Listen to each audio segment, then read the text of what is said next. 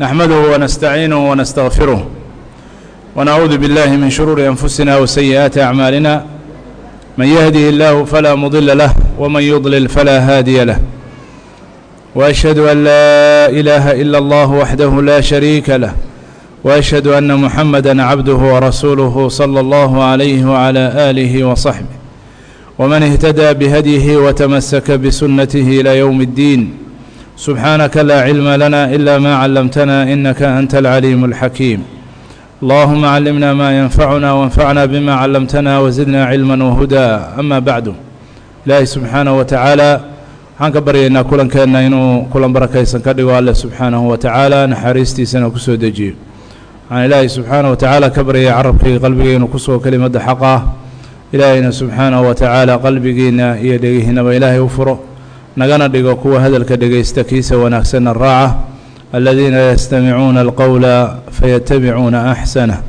ulaa'ika aladiina hadaahum allah wa ulaa'ika hum ululalbaab huma ama bacdu. Aljannatu taxta aqdaami alummahaat jannadu waxay taallaa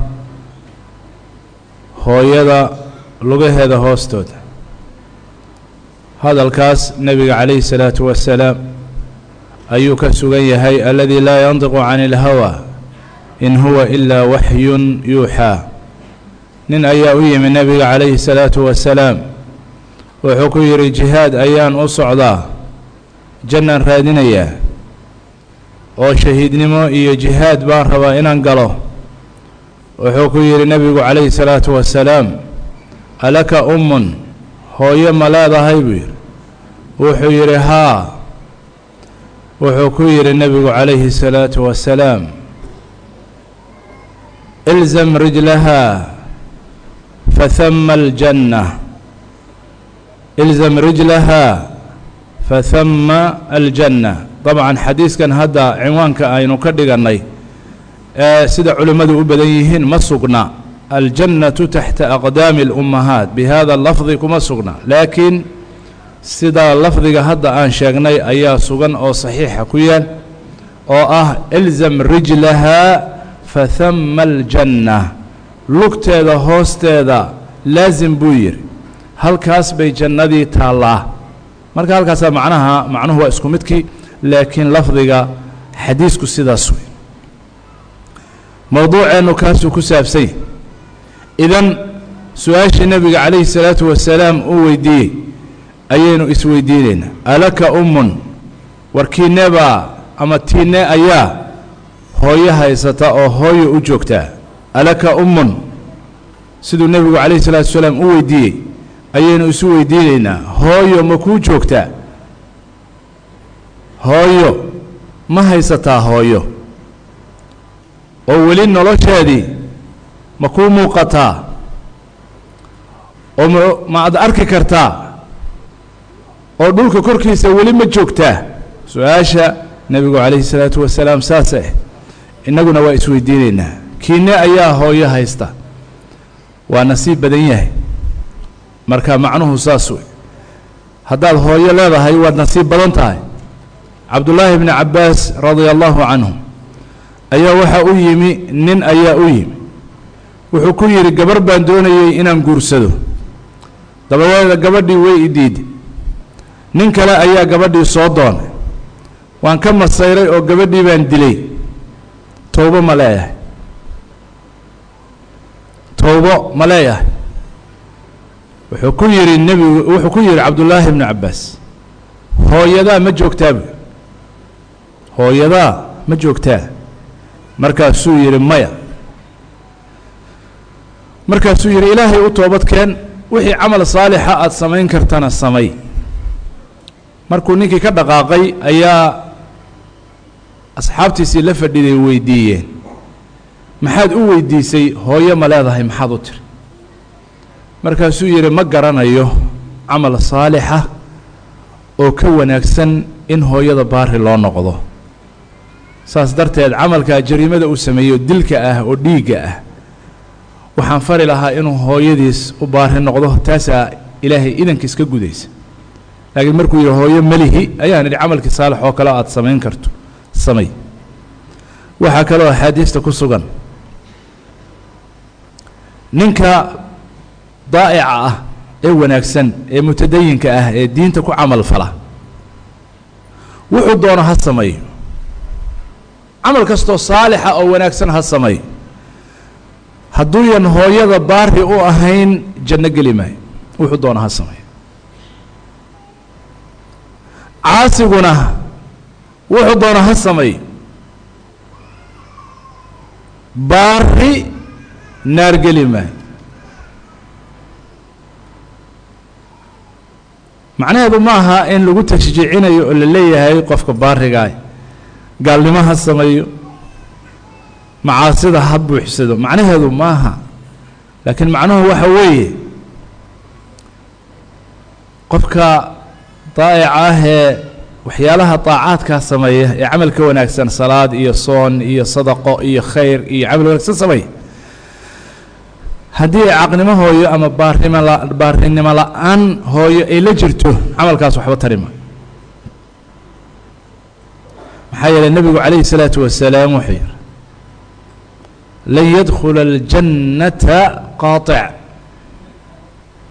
Qofka qaraabogoynta qaraabogoyska ahi janno ma gelayo qaraabada waxa ugu dhow waa hooyo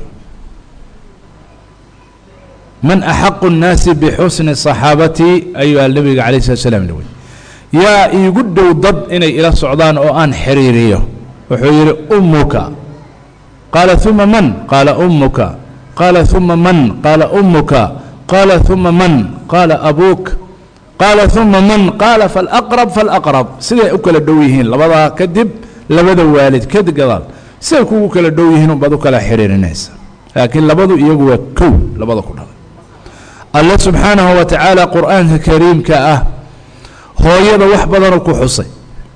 Wuxuuna ku xusay ammaan iyo sabir iyo ajar badan iyo naxariis iyo qalbi weyn oo aan nacayb oqoon qalbi weyn oo ilaahay subxaanahu wa tacaala cajaa'ibtiisa uu geliya makhluuq cajiiba weeye hooyada oo ilaahay subxaanahu wa tacaala asraartiisa qayb ka mida uu geliyey allah subxaanahu wa tacaala. Qalbi aan nacayb aqoon qalbi aan aqoon inuu wax diido qalbi aan aqoon inuu wax kahto ama wax reebto qalbi isagu naftiisa u halaag gelinaya in ilmihiisu uu noolaado inuu isagu uu helo nolosha wanaagsan uga aamusaya. Hooyadu waa sabirkeedu inuu ka yaabo sabirku inuu samirkeeda iyada ka yaabo ayay gaartay bay yidhaahdeen culimada qaarkood.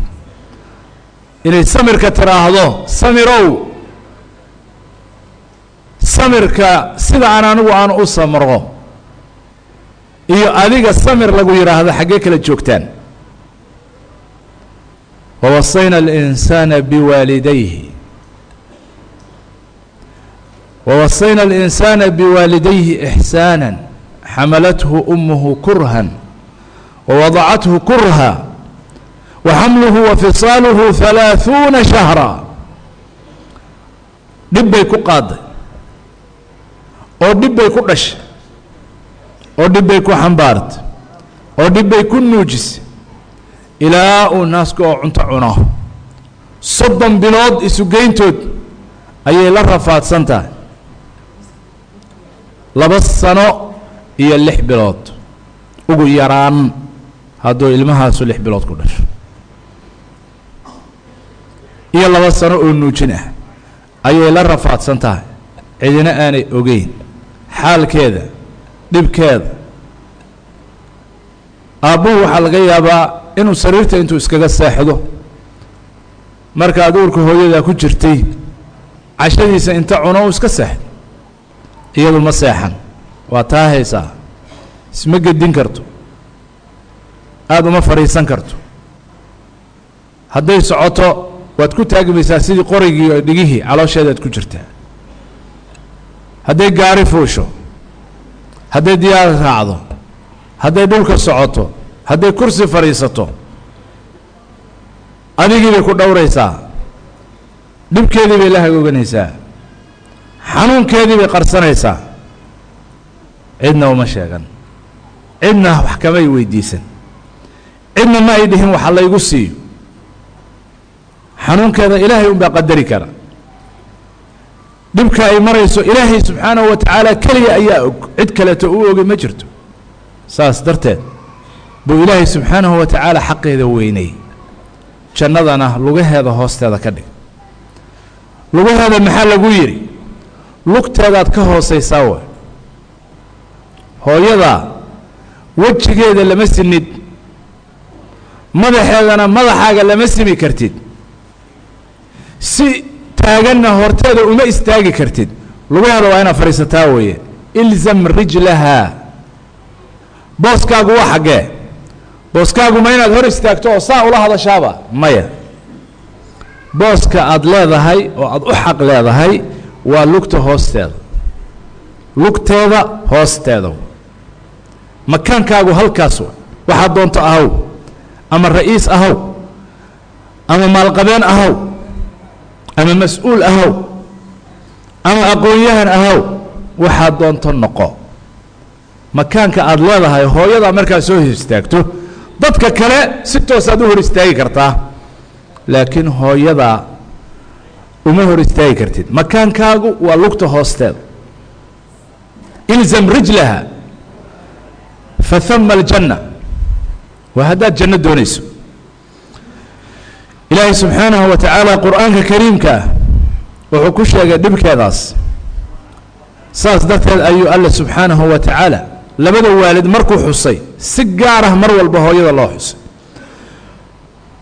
Wawasayna alinsaana biwaalidayhi ixsaana xamalathu ummuhu kurhan wawadacathu kurha waxamluhu wafisaaluhu halaaثuuna shahraa suuradda kale ilaahay subxaanaه wa tacaala wuxuu ku leeyahy wwasayna اlإnsaana bwaalidayh xamalathu أmuhu wahna clى wahni wafisaalhu fii caamayn an ishkur lii waliwaalidayka ilaya اlmasiir جاهداك على أن تشرك بي ليس لك به علم فلا تطعهما وصاحبهما في الدنيا معروفا واتبع سبيل من أناب إلي ثم إلي مرجعكم فأنبئكم بما كنتم تعملون الله سبحانه وتعالى hooyadu wuxuu sheegay midda nebiyada wanaagsan dhashay inay tahay. Midda صاalixiinta soo korisay inay tahay. Midda dadka mujaahidiinta soo korisay inay tahay. Halyeyga goobaha ka hadla hooyaa soo dhashay. Hooyaa soo hayn jirtay. Hooyaa soo nuujisay. Hooyaa soo ciyaarsiisay hooyaa cunto soo siisay. Hooyaa kaadida iyo xaar ka soo dhaqday. Hooyaa dharka u gelin jirtay. Hooyaa soo soco halyeeyu dhihi jirtay. Iyadaa soo cayaarsiin jirtay hooyadu waa waddada ay soo mareen. Dhammaan nin kasta oo tilmaaman oo saalix ah oo wanaagsan ama mujaahida ama caalim ah ama sheekh ah ama munfiq ah ama hani ah ama ra'iis ah ama geesi ah. Dhammaantood waxay soo mareen. Hooyay soo mareen. Hooyo dhabteeday soo mareen. Hooyo caloosheeday soo mareen. Hooyo naaskeeday soo nuugeen. Hooyey la soo ciyaareen hooyaa soo ciyaarsiisay. Macallinkii koowaad hooye uu ahaa afka soo baray hadalka soo baray cuntada soo baray dhaqanka soo baray hooyay ahayd. Hooyadu saas darteed buu ilaahay xaqeeda xaqiisa ku xejiyey.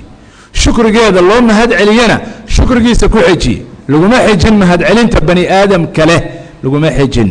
Laa cid kale waalidiinta keliyaa lagu xeji oo weliba hooyadu horayso xaaskaaga laguma xejin caruurtaada laguma xejin walaalaha laguma xejin saaxiibadaa laguma xejin waqadaa rabuka anlaa tacbuduu ilaa iyaah wabilwaalidayni ixsaana cibaadadii ilaahay ka bacdigeed wuxuu ku xejiyay alle subxaana wa tacaala waalidiinta. Wacbudu اllaha walaa tushrikuu bihi shayئa wabilwaalidayni ixsaana ilaahay subxaana wa tacaala iyagu ku xejiyey an ishkur ii mahad celi oo iigu shukri abuurkii aan ku abuuray alle subxaanahu wa tacaala u khalqigaaga lahaa humma labadii sababta u ahaa waliwaalidayka iyagaa markaa ku xiga shukriga ilaahay qof aad ku shukriso ilzam rijlahaa booskaagu marka waa lugteeda hoostiisa ma madax taagi kartid hadalka kuma celin kartid indhaha xataa kuma xijin kartid wejigeeda iska dhaaf inaad la hadasho oo hadal hadalkeeda ka sarreeya aada ku hadasho. Inaad isla sinto xataa ma aha horteeda aada isla sinto ma aha baarinimada ka mid maaha. Waa caaqnimo inaad isla sinto. Hadalkaagu inuu hadalkeeda la sinaado lama ogolaa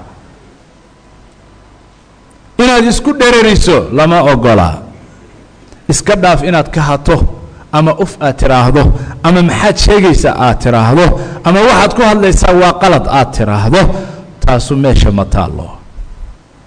Taasu meesha ma taallo. Idan ilaahay subxaanahu wa tacaala wuxuu noo sheegay nebiy llaahi muusa qisadiisoo kale markaynu fiirino suurat اlqasas hooyadiis doorka ay ku lahayd sida allah subxaanahu wa tacaala uga sheekeeyey walwalkay ka qabtay walbahaarkay ka qabtay. Alla subxaanahu wa tacaala iyadu la hadlay aabbe lalama hadleen adeer lalama hadleen walaal lalama hadleen qabiil lalama hadleen asxaab lalama hadleen hooyadu la hadlay alla subxaanahu wa tacaala wawxaynaa ilaa ummi muusa an ardicii فإذا خفت عليه فألقيه في اليم ولا تخافي ولا تحزني إنا رادوه إليك وجاعلوه من المرسلين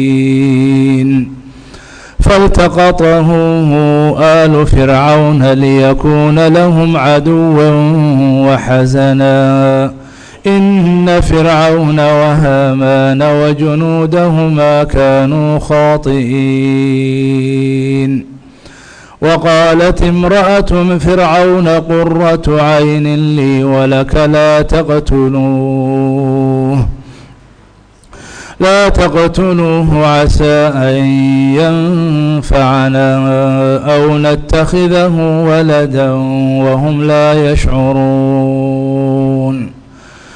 وأصبح فؤاد أم موسى فارغا إن كادت لتبدي به لولا أن ربطنا على قلبها لولا أن على قلبها لتكون من المؤمنين وقالت لأخته قصيه فبصرت به عن جنب وهم لا يشعرون وحرمنا عليه المراضع من قبل فقالت هل أدلكم فقالت هل أدلكم على أهل بيت يكفلونه يكفلونه لكم وهم له ناصحون فرددناه إلى أمه كي تقر عينها ولا تحزن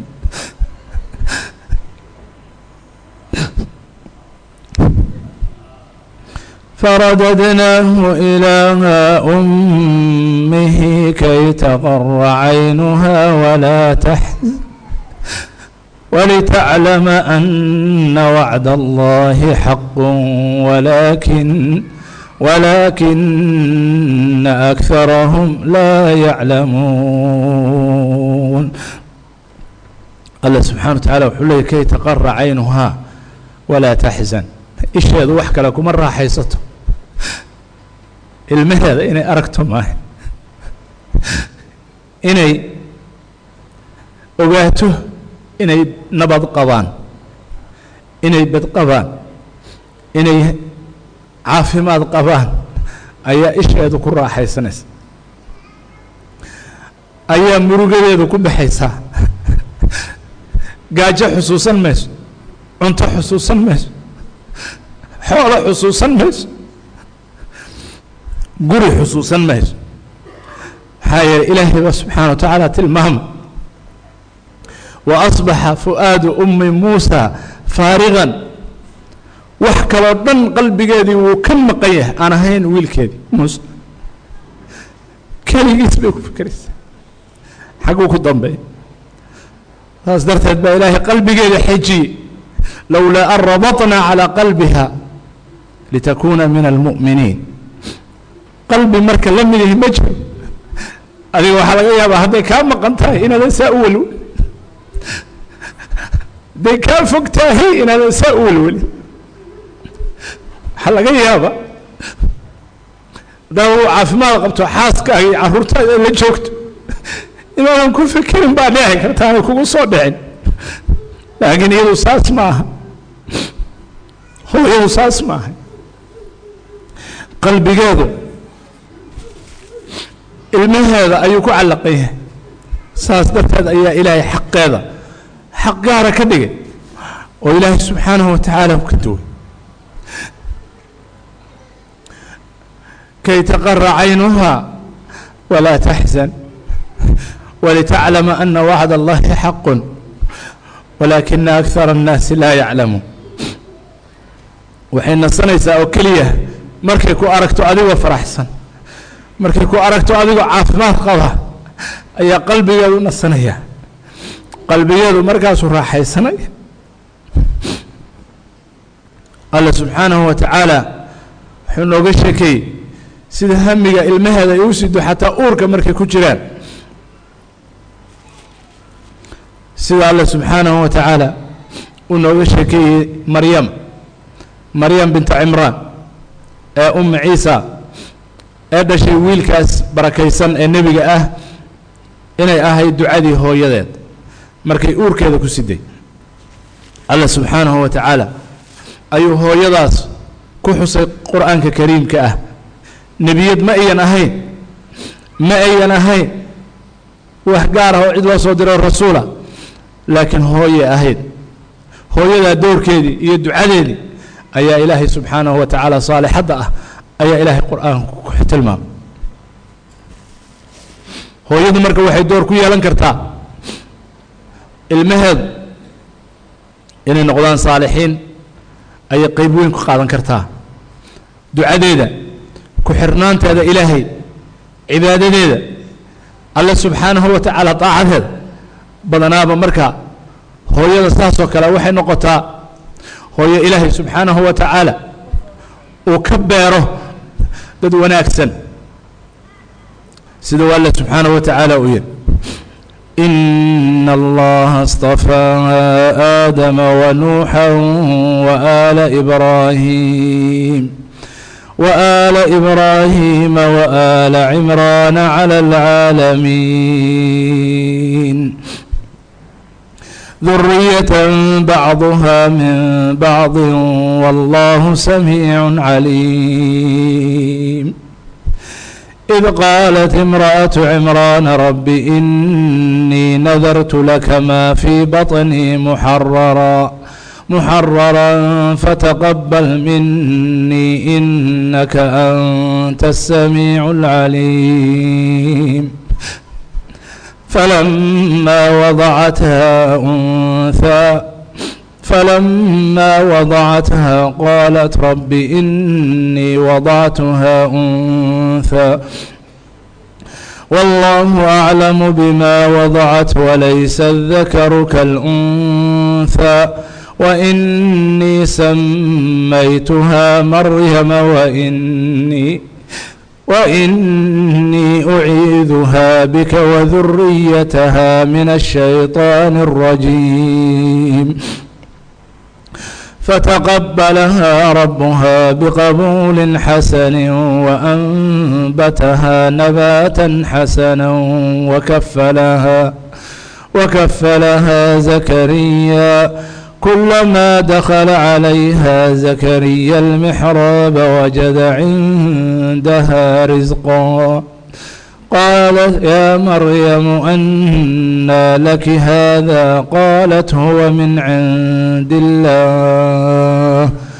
إن الله يرزق من يشاء بغير حساب. alla subxaanahu watacaala wuxuu sheegay hooyadaas mu'minadda ah inay ilaahay subxaanahu wa tacaala ka bariday uurkeeda inuu ilaahay subxaanaه wa tacaala ka dhigo. Uur khayr qaba ilmo wanaagsan oo ilaahay diintiisa u adeegana ilaahay subxaanah wa tacala oo ka soo saaro. Ilaahay bay u bariday inuu ilaahay shaydaanka garab mariyo hooyadana saasaa looga baahan yahay. Markay uurka leedahay inta ay xamliga sido iyo markay dhashaba alle subxaanaه wa tacaala inay ku xirnaato oo hooyaba hooyaday alle kaga xihan tahay xirnaan og tahay oo uga cibaado badan tahay ayaa raadka ay duriyaddeeda ku yeelataa iyo naaska ay nuujisaa iyo dhiigga ay nuujisaa caloosheeda ku nuujisaa uu noqdaa dhiig ka wanaagsan midda kaleo caasiyadda ah. Iyadoo mar walba hooyadu xaqeeda leh oo mar walba hooyadu maqaamkeedu u xafiran yahay ayaa haddana hooyo walba hooyada ilaahay uga dhowdahay maadaama uu hooyada ilaahay subxaanahu wa tacaala uu ka dhigay meesha uu alla qadaray inay weel u noqoto bani aadamka dhalmadiisa iyo tarankiisa iyadu inay weel u noqoto hooyo saas darteed ayay hooyadaasu ilaahay ka bariday ilaahayna waa ka ajiibay shaydaanku inuu ilaahay ka celiyo iyada iyo duriyaddeedaba gabadhaasna ilaahay subxaanaه wa tacaala waa doortay yaa maryam ina allaha اstafaaki waطaharaki waاstafaaki calى nisaaءi اlcaalamiin yaa maryamu qnutii lirabbiki wasjudii warkacii maca araakiciin marka hooyada waxay ahayd gabadheedii inay ku yeelatay raad ama sunnada nebiga calayh salaatu wasalaam haddaynu u leexanno nebigu calayh salatu wasalaam axaadiistiisii waxbaynu ka sheegnay. Laakiin waxaan soo qaadanaynaa isaga nebiga calayh salaatu wasalaam nebigeenna calayhi salaatu wasalaam maqaamkee bay ka joogtay hooyo waxaan ognahay nabigeena calayhi salaatu wasalaam inuu aabbihiis waayey isagoo uurka hooyadiis ku jira. dabadeedna hooyadiis aamina binta wahab ay soo korisay markiisii hore. isagoo toddoba jirana hooyadiis haddana inuu waayey nebigu calayhi salaatu wasalaam. agoon uu iyo rajonimo isugu darsantay nebigeenna calayhi salaatu wasalaam. laakiin waa ka ka hadlay hooyada maqaamka ay diinta ilaahay ka joogto man xaqu الnaasi bxusni الصaxaabati qaala umuk qaala ثuma man qaala umuk qaala ثuma man qaala umuk qaala ثuma man qaala abuk waa midkaa yidhi ninkii jihaadka u socday alaka umun qaala nacam qaala falzam rijlaha fahama اljanna waa midkaa yidhi nebigu calayhi الsalaatu wasalaam ninkii u yimi ee jihaadka doonayay inuu u raaco ee uu ku yidhi alaka abawaan qaala nacam qaala fafiihimaa fajaahid iyaga ku jihaatan buu yidhi baarinimadooda iyo wanaagooda iyo ixsaankooda waxa uu marinaya alimaam muslim raximah اllahu tacaala nebigu calayhi الsalaatu wasalaam markii uu u baxay fatxi maka inuu soo maray mantiqat اlabwaa abwaa waxa weeye meel maka iyo madiine u dhexaysa xagga makana u dhow oo ay ku duugan tahay ama ku aasan tahay nebiga calayh salatu salaam hooyadiis. Meesha ku dhimatay wey halkaa markuu marayey ayuu nebigu calayhi salaatu wasalaam wuxuu ka haystay kun asxaabtiisa ka mida oo ciidankiisi ka mida ciidan toban kun oo la socday kun nin oo ka mida ayaa raacday nebiga calayhi salaatu wasalaam wuxuu tegey qabrigii hooyadiis uu ku dul ooy oohin aada u dheer. Ayuu nebigu calayhi isalaatu wasalaam wax badan ooy ayaa asxaabtiisiina oysay ridwaan ullaahi calayh. Markaasuu wuxuu ku yidhi ilaahay subxaanahu wa tacaala ayaa waxaan weydiistay. Qabriga hooyaday inaan soo siyaarto. Wuuna ii ogolaado isagoo nebigu calayh isalaatu wasalaam oynay waxaan kaloo weydiistay inaan u istikfaar dalbo maadaamay gaalnimo ku dhimatay in aan istikfaar ilaahay u weydiiyo dembi dhaaf weydiiyo taasna waa la ii diiday waa la ii diiday nebiga calayhi salaatu wasalaam maqaamka hooyo ka joogto halkaase haddii aan u nimaadno markaa ikhwaani baarinimada la sheegayaa maxay tahay? Sidee baari loogu noqon karaa hooyada kow baarinimadu waxa weeye nooceeda ugu horreeya ilaahay uuna faray.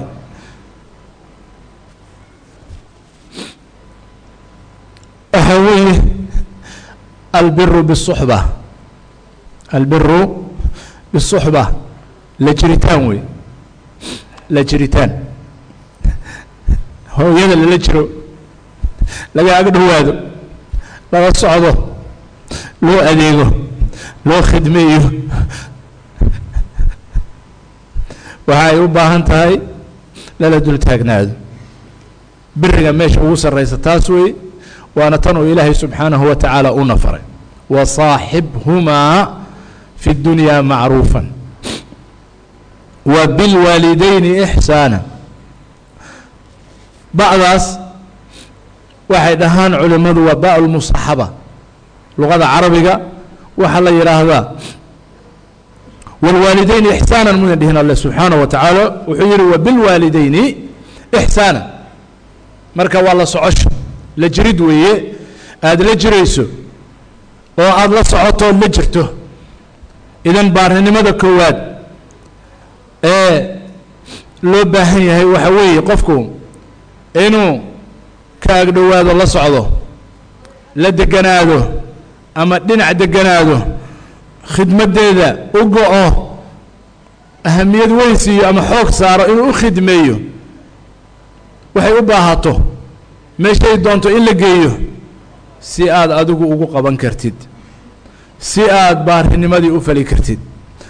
Arrinkaasu dabcan dadka waa ku adag yahay oo qofka qaar wuxuu doonayaa inuu iska shaqo tago qaar wuxuu doonayaa inuu tacliim meel fog ka raadsado qaar wuxuu doonayaa inuu xaaskiisa iyo cilmihiisa meel kale ula guuro.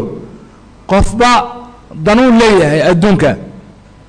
Laakiin qof walba intii dee jannadaas la yidhi lagu heday taalla uu doonayo intii uu ay dani ka hayso jannadaas ayuu uga tanaasulaya ama uga tadxiyanaya waxyaalaha kaleeto.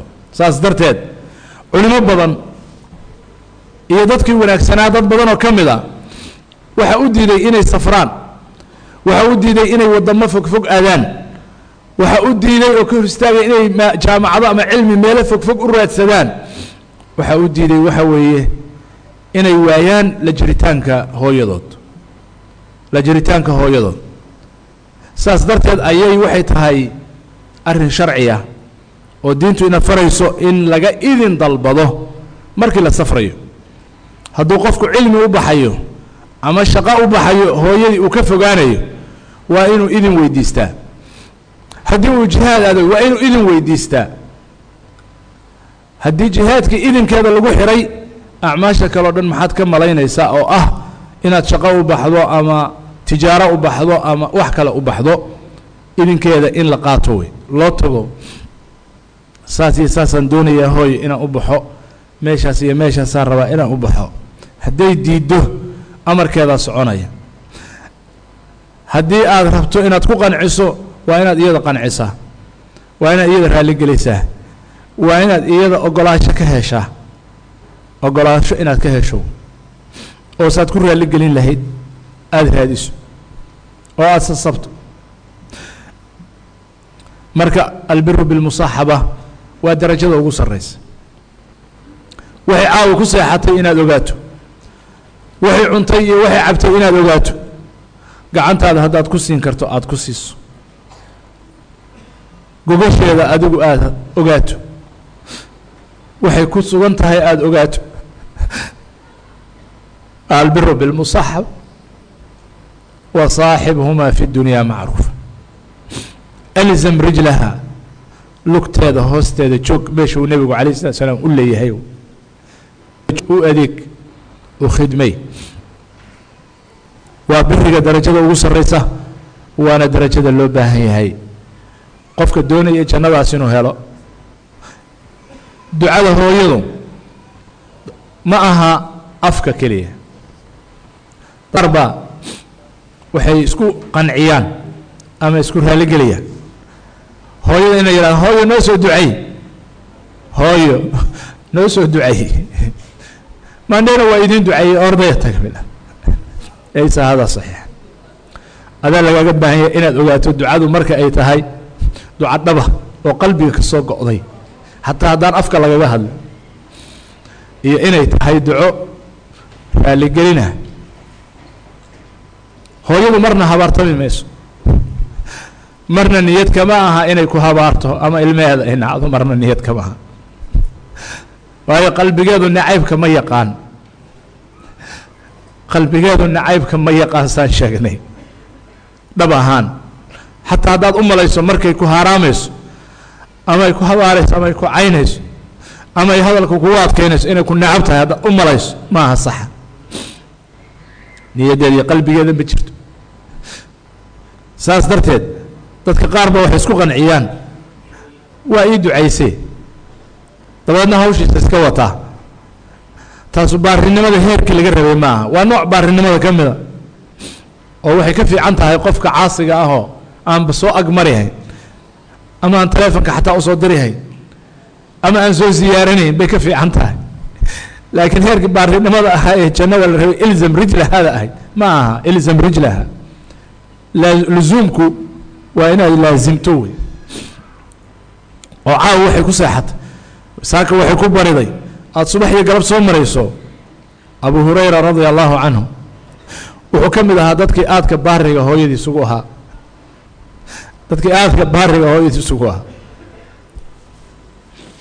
Hooyadiisna markii hore ma soo islaamin. Dabeedna nebiga calayh salatu salaam maalin isaga oo la hadlaya ayay hadal xun nebiga calayh salatu salaam ku tiri ko muslimad mayan ahayn markaa isagoo oynaya ayuu nebiga calayh salatu salaam u yimi markaasuu yihi abu hurayra maxaa kaa ooynay rasuul allah hooyaday. Ayaan u tegayo hadalkaa xun bay ku tiri. Ee rasuulkii allow u soo ducay inuu ilaahay soo hanuuniyo hooyaday. Fiiri wiilka baariga ah wuxuu ka welwelayaa hooyadiis in ilaahay hanuunkeeda u keeno qaar badanoo inaga mida ma danayaan hooyadood. Inay soo hanuunto inay cibaado yeelato inay wax barato. Waxaa laga yaabaa inaanay danayn wuxuu rasuulka alla u soo ducay hooyaday inay ilaahay soo hanuuniyo. Nabigeenu calayhi isalaatu wasalaam sa anagu nahay wuxuu ahaa naxariis kulligiis. Ma ahayn mid nacayb badan dadkao dhanna inay soo hanuunaan gaaloo dhan ayuu jeclaa nebigu calayh isalaatu wasalaam. Saas darteed wuxuu yihi ilaahu soo hanuuni. Abu hureyre hooyadiis ilaahu soo hanuuni. Qabiilkiisana wuu u ducayey mar kale nebigu calayh isalaatu wasalaam oo mar la yidhi nimankii dows way caasiyeen ee rasuulka allow habaar. Wuxuu yidhi ma habaarayne waxaan leenahay allaahuma hdi dowsan wa'ti bihim ilaahu dows nimanka la yidhaahdo ama qabiilka la yidhaahdo ilaahu soo hanuuni. Oo ilaahu noo keen ayuu nebigu calayh isalaatu wasalaam. Abu hureyre hooyadiis marka nebigu alayh salatu salaam wuu u ducayey. Abu hureyre wuu soo noqday gurigiibuu ku soo noqday. Maruu gurigu ku soo noqday iridii hooyadiis u garaacay. Ayuu waxay ku tiri abu hureyrew bannaanka istaagoo sug ha soo gelin. Maxaa dhacay? Biyihii buu maqlay ay qubaysanayso intuu soo socday ayaa ducadii nebiga calayh isalaatu wasalaam ilaahay ajiibay hooyadiis way soo islaantay. Abu hureyre isagoo oynaya mar labaad nebiga calayh salatu salaam ku soo noqday. Laakiin marka kan farxad la oynaaya farxad isagoo la oynaya la rasuulkii allow hooyaday ilaahay subxaanahu wa tacaala uu soo hanuuniyey way soo islaantay. Abu hureyra markaa waagii dambe mar buu madax ka ahaa madiina ama mas'uuliyaddeeda looga tegi jiray dabadeedna magaalada meel bannaankeeda ah buu deganaa madiina. Subaxdii markuu guriga ka baxayo oo shaqada u socdo guriga hooyadiis waa ku dhegan yahay ayuu soo mari jiray. Assalaamu calaykum waraxmat ullaahi wabarakaatuhu yaa ummi. Hooyadiisu salaami jiray. Markaasuu wuxuu ku ohan jiray raximaka allahu kamaa rabaytanii sagiira raximaka allahu kamaa rabaytanii sagiir hooyoy ilaahay subxaanahu wa tacaala ha kuu naxariisto. Sidaad yaraanteedii iisoo tarbiyaysay markaasi waxay odhan jirtay wacalaykum assalaam waraxmat ullaahi wabarakaatu wiilkaygiiyow adigana ilaahay ha kuu naxariisto. Sidaad adigoo weyn iigu baari fasha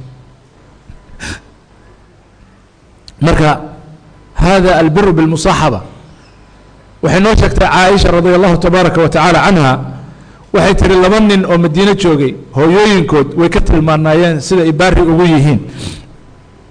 Ninna waxaa la odhan jiray cuثmaan ibnu cafaan waa khaliifadii saddexaad ee islaamka radia allahu canhu aad buu hooyadiis baari ugu ahaa. Ninka labaadna waxaa la odhan jiray xaariثata ibnu nucmaan nin ansaariyuu ahaa xaarisata bnu nucmaan. Markaa ninka xaarisa la yidhaahdo waxay tiri hooyadiis timaha ayuu u shallayn jiray. Timahaada ayuu u shallayn jiray. Wuxuu ka guri jiray qandhecelka iyo saxarada iyo waxaasoo dhan buu ka guri jiray. Wixii saxaro saaran wixii ciin saaran waxaasuu ka guri jiray.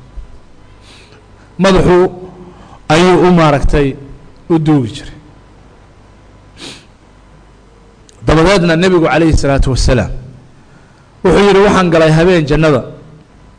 Jannada markaan galay ayaan waxaan maqlay nin qur'aan akhrinaya markaasaa war ninkan qur'aanka akhrinayaa muxuu yahay jannada dhexdada markaasaa la yidhi waa xaarifat bnu nucmaan. Xaarifat bnu nucmaan waa bishaaro ninkii uugu bashaareeyey jannada. Markaasuu yidhi nebigu calayhi salaatu wasalaam kadalikum lbiru kadalikum اlbiru kadalikum اlbiru war hooy baarinimadu saasay wax yeesha war hooy baarinimadu halkaasay wax gaarsiisaa war hooy baarinimadu halkaasay wax gaarsiisaa taas waxaa leedaha baarinimada bilmusaaxaba culimmadii haddaynu ugu noqono selafkii ridwaan ullaahi calayhim iyo dadkii saalixiinta ahaa calaa mari taariikh haddaynu dib ugu noqono waxaynu arkaynaa waxyaale cajaa'ib leh. Albiru bilmusaaxaba nin la yidhahdo moxamed ibnu munkadir oo culimada muxadisiinta ah waaweyn ka mid a ayaa waxa wuxuu u sheegay habeen. Inuu habeenkii oo dhan u baryey isagoo hooyadiis lugaha u duugaay lugaha ayuu u duugayay u tutuujinayay habeenkii waagu sidaasuu ugu baryey nin walaalkiisina habeenkii salaatuleyl buu tukanayay. Markaasuu wuxuu yidhi moxamed raximah اllah haddii la yidhaahdo buu yidhi caawa ninkan habeenka salaadu tukaday walaalkay iyo hooyaday lugahaan u tutuujinaye dhaafso habeenkaaga habeenkiisa ajarkiisa ma dhaafsadeen bu yidhi. Wallahi dhaafsadeen. Habeenkii o dhan salaadda u tukanay ma dhaafsadeen. Lugahaan u tuujinaya hooyaday طalq ibnu xabiib nin la yidhaahdo isaguna ka mid ahaa dadka saalixiinta ah ayaa hooyadiis waxay tihi alqow biikan waa nin culimo ah weyn. Adigu laakiin hooyada agteeda culimo kama tihid hooyada agteeda mudiir ama manager ama director kama tihid hooyada agteeda hani kama tihid gabar baan u keenayaa u shaqaysa oo yacni khaadimad ah kuma filna arrinkaas saxna ma aha. Adaa la rabaa inaad u adeegto. Marka ninka caalimka ah hooyadiis waxay tiri ord biyihii keen. Uu kacay biyihii buu u doonay. Biyihii buu soo qaaday biyihii isagoo wada ayay seexatay roordaa qaaday inuu kiciyana waa diin habeenkii o dhan buu dul taagnaa. Raxmat ullaahi caleyh ilaa ay iyadu ka soo kacdo. Waa sida xadiiska laynoogu sheegay ninkii caanaha la dul taagnaa labadiisii waalid ee ilmihiisii ay gaajaysan yihiin ay hoostiisa joogaan. Ee u diiday caanaha inuu dhadhansiiyo ilmihiisa iyagoo qaylinaya oo aabbow caanaha nasi aabbow caanaha nasi aabbow waa gaajaysanna ay leeyihiin. Ayuu u diiday caanaha inuu ilmaha u taago baarinimadu taasaa la yidhaahdaa bilmusaaxaba marka adigu waad yeeli kartaa way bannaan tahay. Inaad ilmahaaga siiso caanaha hadday hurdo sharci ahaan way bannaan tahay laa ima caleyk dembi maaha. Laakiin waxaa laga hadlayaa darajaad iyo tanaafus weeye baarinimadu baarinimadu waa tanaafus. Camal nawciya waay waa special shaqo speciala waay haddaad doonayso inaad qabato baarinimada baarinimadu maaha kelimad afka ah marka ninkaasu abeekii o dhan buu taagnaa. Biyihii la taagnaa ilaa hooyadiis ay ka soo kacdo markaa biyaheedi u siiyo albiru waxaa la yidhaahdaa bilmusaaxaba waa darajada u sarraysa waxaa biriga dabcan ka mid ah in uu nafaqeeyo xoolihiisa oo dhan hadduu ku bixiyo xoolihiisa oo dhan hadduu siiyana inaanu waxba ka gudi karin abaalkeeda hadday tiraado xoolahaaga oo dhan akownkaaga waxa ku jira oo dhan ii keen. Caaw way xaq bay ugu leedahay. Saas darteed waa inaad hooyada u gacan furnaata iyadaanba ku weydiisanayn akownkaago dhan iisoo xaaqa iyadaanba ku dhihi lahayn akownkaago dhan iyo mushaharkaagoo dhan ii keen. Maba dhahaysaba naxariisteeda ka weyn. Laakiin adigu waxaan la yaabaynaa dadka qaarkiis. Wuxuu qaataa shan kun oo dollar saddex kun oo dollar afar kun oo dollar. Boqol dollar oo hooyadiisu ugu diro ayuu maanta o dhan ka sheekeyn. Boqol dollar waaya boqol dollar u dira ama laba boqoloo dollar. Hooyadii waa masruufaa? Hooyadii waxbaan siiyaa maxay uga baahan tahay? Intaa ka badan duq weyn waaye maxay uga baahan tahay? Su'aalaha marar badan ii yimaada oo leh. Hooyaday lacag baan u diraa lacagta waxay siisaa dad kale. Waradeerow adiga ama ha siisa ama yay siin. Adu xorriyaddeeda u dhaaf maxaa kugu jira? Ama ha siiso ama yay siin. Adigu ha fiirinin waxa iyada aa siisay. Waxaad fiirisaa waajibka adiga ku saaran. Iyo baarinimadu waxa ay tahay dad baa daaro daarahooda ka waaweyn u dhisa oo aan waxba ka sheegin oo aan waxba u arag oo inay raalli ka noqoto keliya raadinaya baarinimada raadinaya idan bilinfaaq maa inuu qofku wax ka lexe jeclaysto hooyadiis iyadu wax kaama lexe jeclaysan jirin hal jazaء الإحsaan ilا الإحsaan hal jazaء الإحsaani ilا الإحsaan intay iyadu bixin jirtay lagaama rabo. Intay dul qaadan jirtay ma awoodi kartid ma bixin kartid ma yeeli kartid. Laakiin wuxuu yar ka gudo. Cabdullaahi ibni cumar ayaa wuxuu ku arkay nin xajka dawaafaya. Hooyadiisu dhabarka ku sidaa wuxuu yihi cabdullaahiyow hooyaday waxaan ka keenay yaman. Dushaanna sidaa ugu siday xaramkan keen haddana waad u jeedaa dushayday saarantaha waan dawaafinayaa.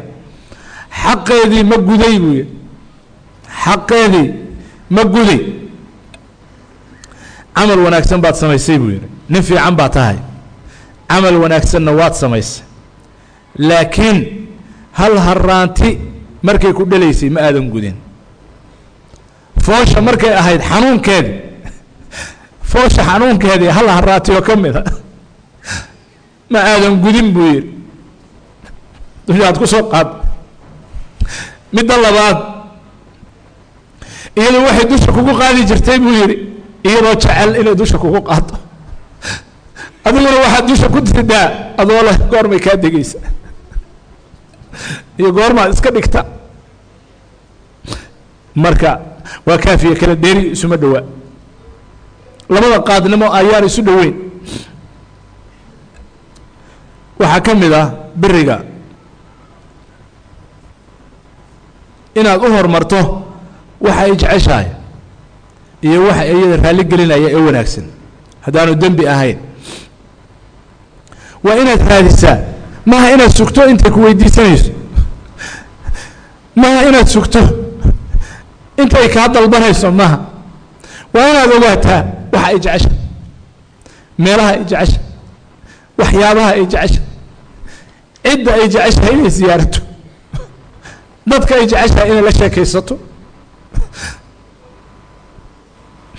Waxyaalaha ay jeceshahay inay cunto ama cabto ama xirato. Waa inaad ogaataa. Dabeedna aad u orodaa oo u tartantaa intaanay ku weydiisan aad u keenta. Tiraada hooyo kan adaan kuu keena hooyo kanna adaan kuu keena waa waxyaalaha aad og tahay inay jeceshahay. Hawadeeda inaad u tartanto hawadeeda inaad uga horumarto baarinimada noocyada ka mida oo ugu wanaagsan oo aad ugu dhowaan karto raalinimadeeda qalbigeeda aad ku hanan karto.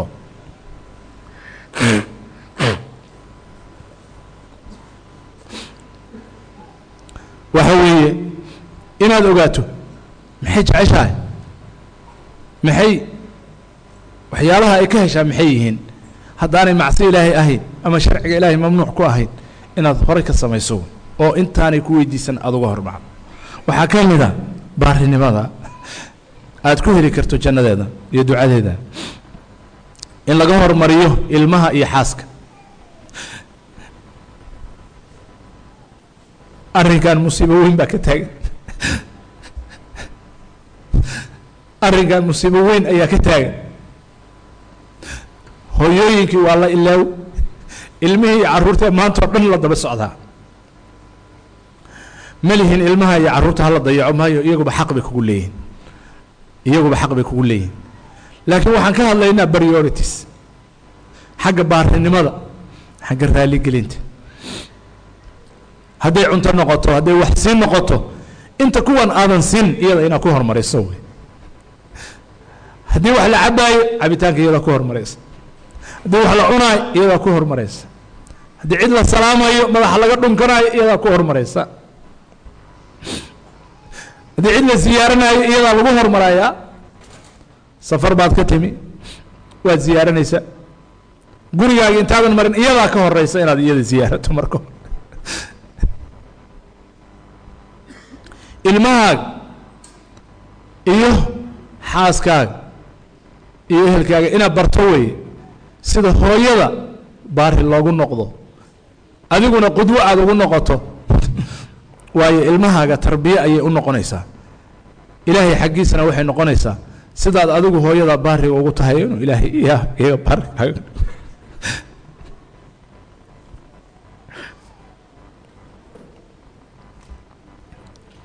ikhwaani akhawaati waxyaalaha aan maqlayno gabdho hooyadood hadalka ku celina. wiilal hooyadood hadalka ku celina. dad hooyadood nooshahay oo aan fursada ka faa'iidaysanay wallaahi aladii laa ilaaha hayruhu kiini hooyo leh maanta ee aan ka faa'iidaysanayn maalin buu ka shallaynay. kiini hooyo leh ama tiini hooyo qabta ee aan ka faa'iidaysanayn maalin buu ka qomameynaya hooyada marka la waayo agoonnimo lagama weynaado. Haddaad afartan jirtay iyo haddaad konton jirtay oo hooyadaa tagto oo aanay kula joogin agoon baad noqonaysaa. Nacam agoon baad noqonaysaa. Waayo ajarkii kuu socday iyo khayrkii iyo ducadii ayaa kaa go'aysa. Dadka fursadda haysta waxaan leeyahay fursadda iyo iska dayicin kuwa fursadda haysta waxaan leeyahay fursadda iyo iyaga cadaab ku noqon oo af lagu celiyo hooyooyin la oo ka ka qaylinaya ilmahoodii inaanay ka heli karin maandow ama maana kaali meeshaan igey kaali gaariga igu qaado halkaa igey ayay ka dalbanaysaa. Mashquul baana. Saaxiibadiis ama saaxiibadeedna saacaday la fadhiisanaysaa. Ama saacaduu la fadhiisanayaa. Ma dhahayo mashquul baan ahay. Arrinkaas waa ayaan daro waa tawfiiq daro tawfiiq la'aan weeye. Yaa ikhwaani kinii haysta fursad buu haystaa. Suu nebigu calayh الsalaatu wasalaam uu yihi ragima anfu uma ragima anfu uma ragima anfu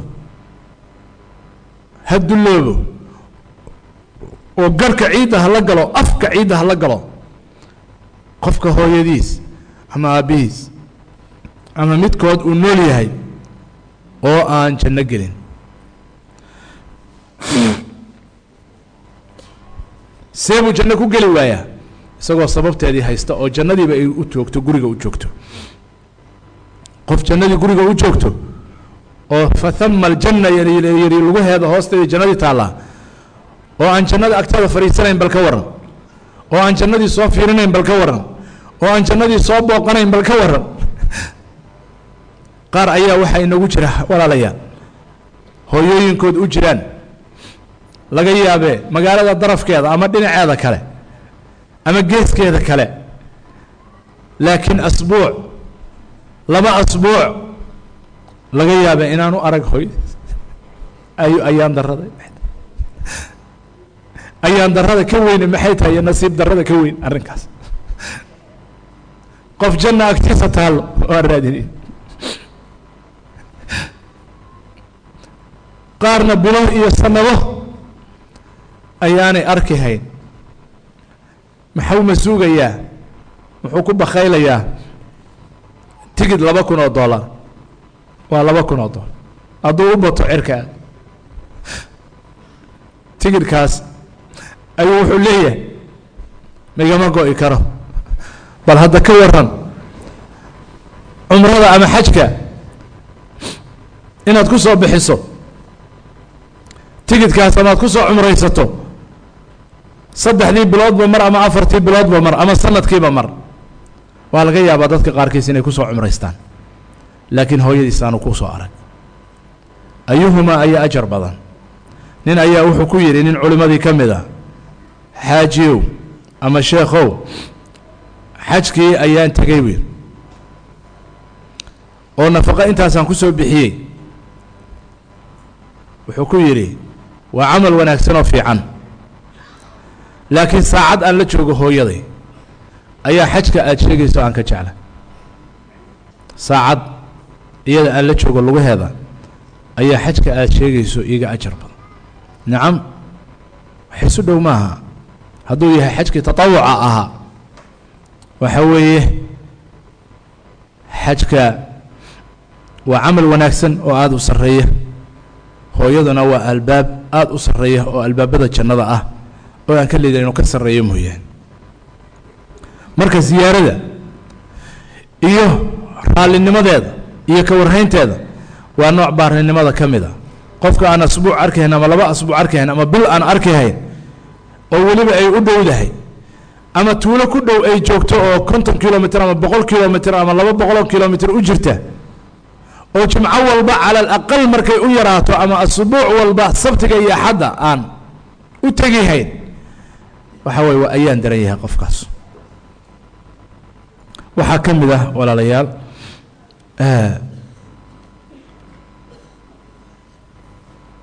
baarinimada anwaacdeeda aadka u fara badan oo aynu ka soo sheekeynay.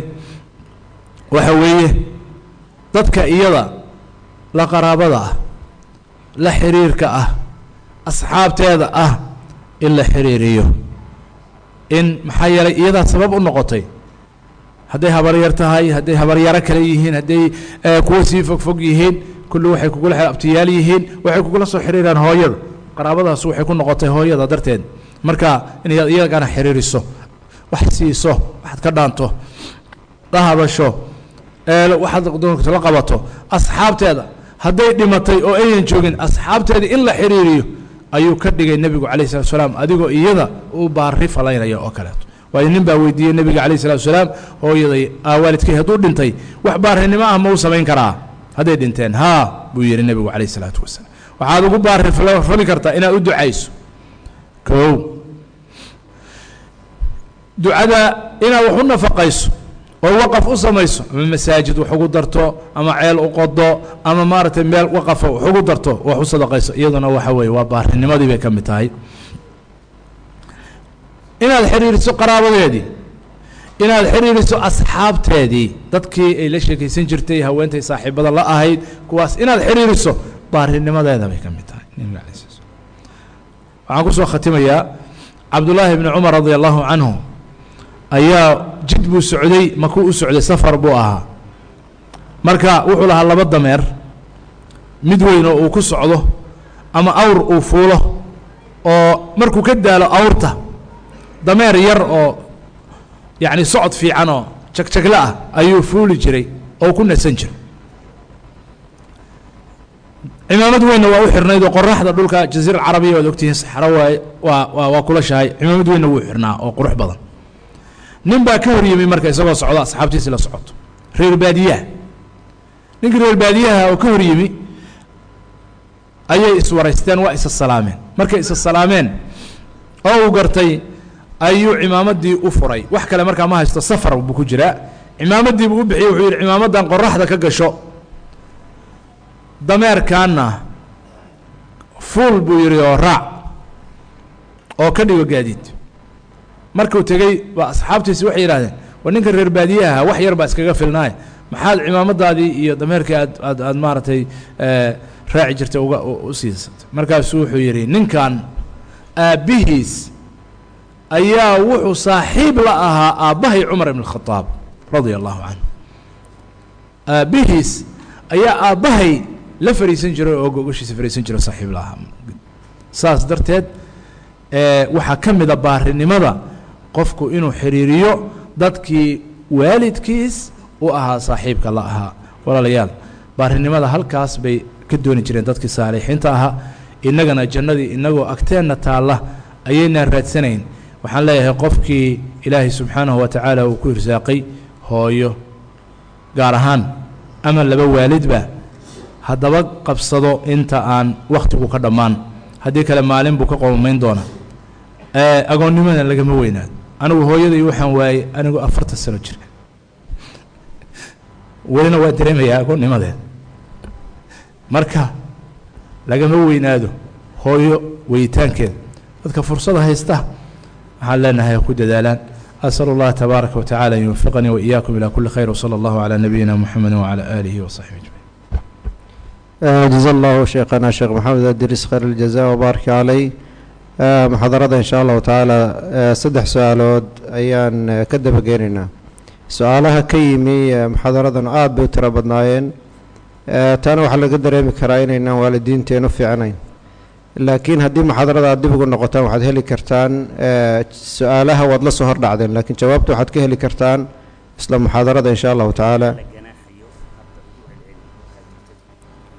marka muxaadarada koo cafwan su'aasha koowaad oo aan is leeyahay muhiimaddeeda ay leedahay wuxuu leeyahay saa-iilku sheikh haddaanu nahay dhallinyarada dhulkan ku nool ee waalidiintood la jooga nolosha ama sistamka dhulka galbeedka ka jira waa sistem aan ku fiicnayn waalidiinta. Taasuna saameyn weyn ayay nagu haysaa. Haddaba maxaa nagu caawin kara inaanu baari u noqonno waalidiinta iyo annagoo halkan la joogna ama ku nool? Alxamdu lilah waa inaad ogaataan oo barataan diintiinna meesha ay ka joogto baarinimada waalidka loo baari falo. Iyo khatarta ay kaga sugan tahay in caaq lagu noqdo ama la caasiyo waalidiinta oo amar lagu diido. Haddii aad taa barato waxaad ogaanaysaa markaa qaabkaad adigu raallinimada u heli lahayd. Marka waxaan idinkula talinayaa inaydinaan eegin waxyaalaha sistamyada dhulkan ka jira ee daalimka ah ee waalidiinta aan yacni dulmiga ku ah inaan la eegin ee la eego kitaabka iyo sunnada oo aad akhrisaan salafkii dadkii muslimiinta ahee wanaagsanaa islaamka meesha ay ka joogaan labada waalid gaar ahaan hooyadu.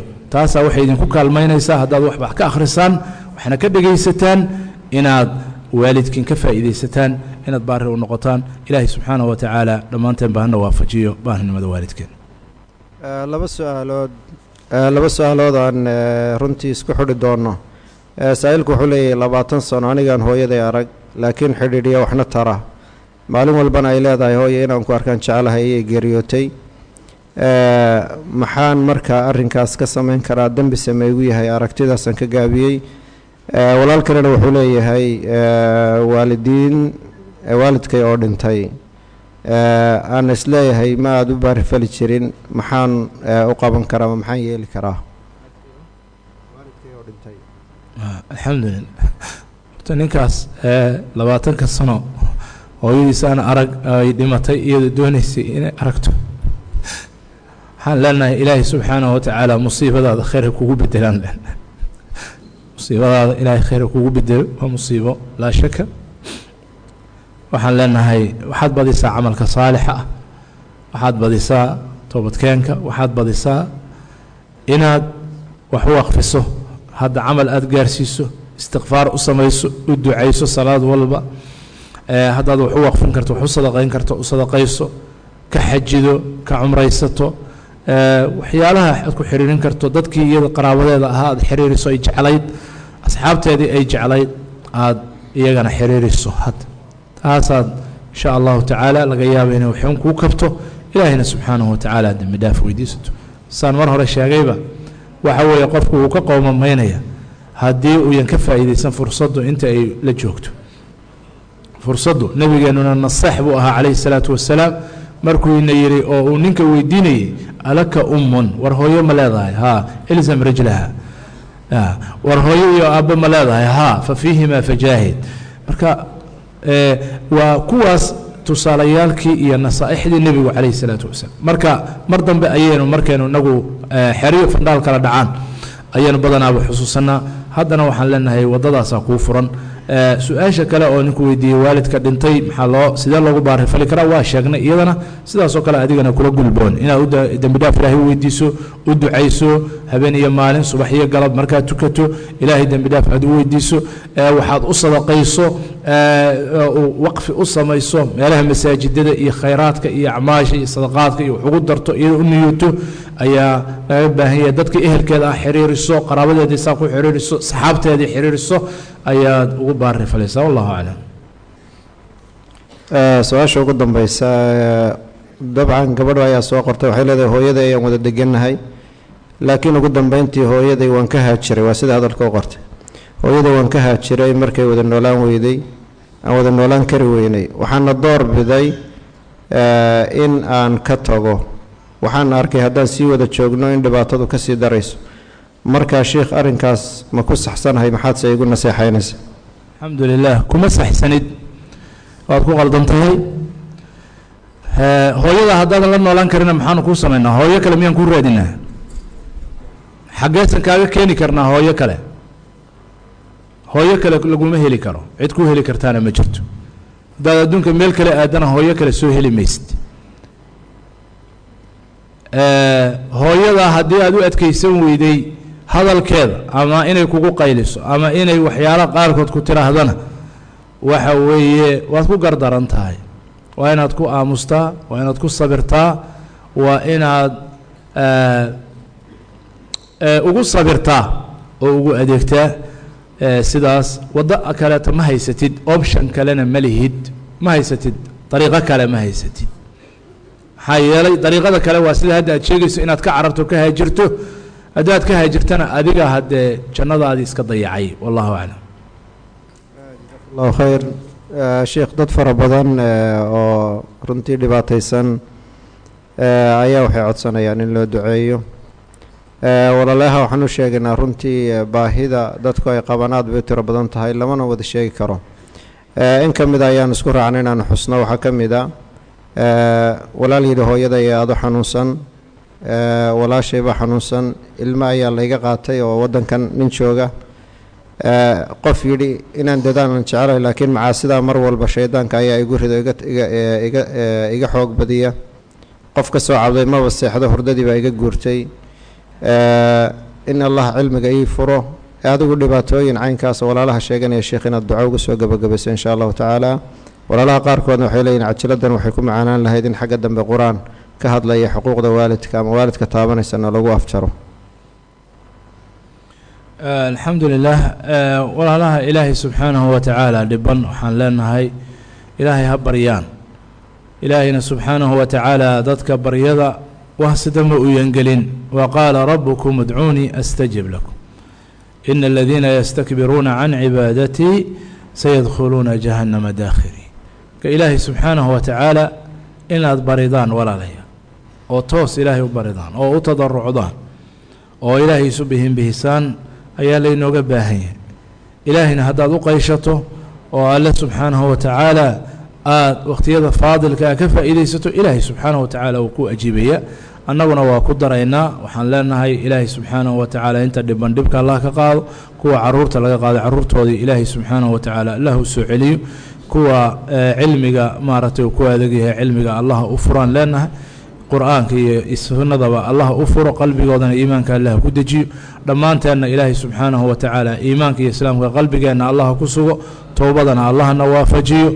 Ilaahayna subxaanahu wa tacaala jidkiisa toosan iyo siraadkiisa mustaqiimka ah nagu sugo bidcada iyo sharta iyo gaalnimadana allaha naga badbaadiyo. Ilaahayna subxaanahu watacaala towfiiqda iyo khayrka iyo caafimaadka allahna waafajiyo sharta iyo balaayada iyo shaydaankana allah naga hayo. Jazakum allahu khayra wsala allahu calaa nabiyina muxamedi wacala aalihi wasaxbi ajmaciin. Waqhtiguna waqti dambaan u malinaya insha allah. Mar kalean qur'aanka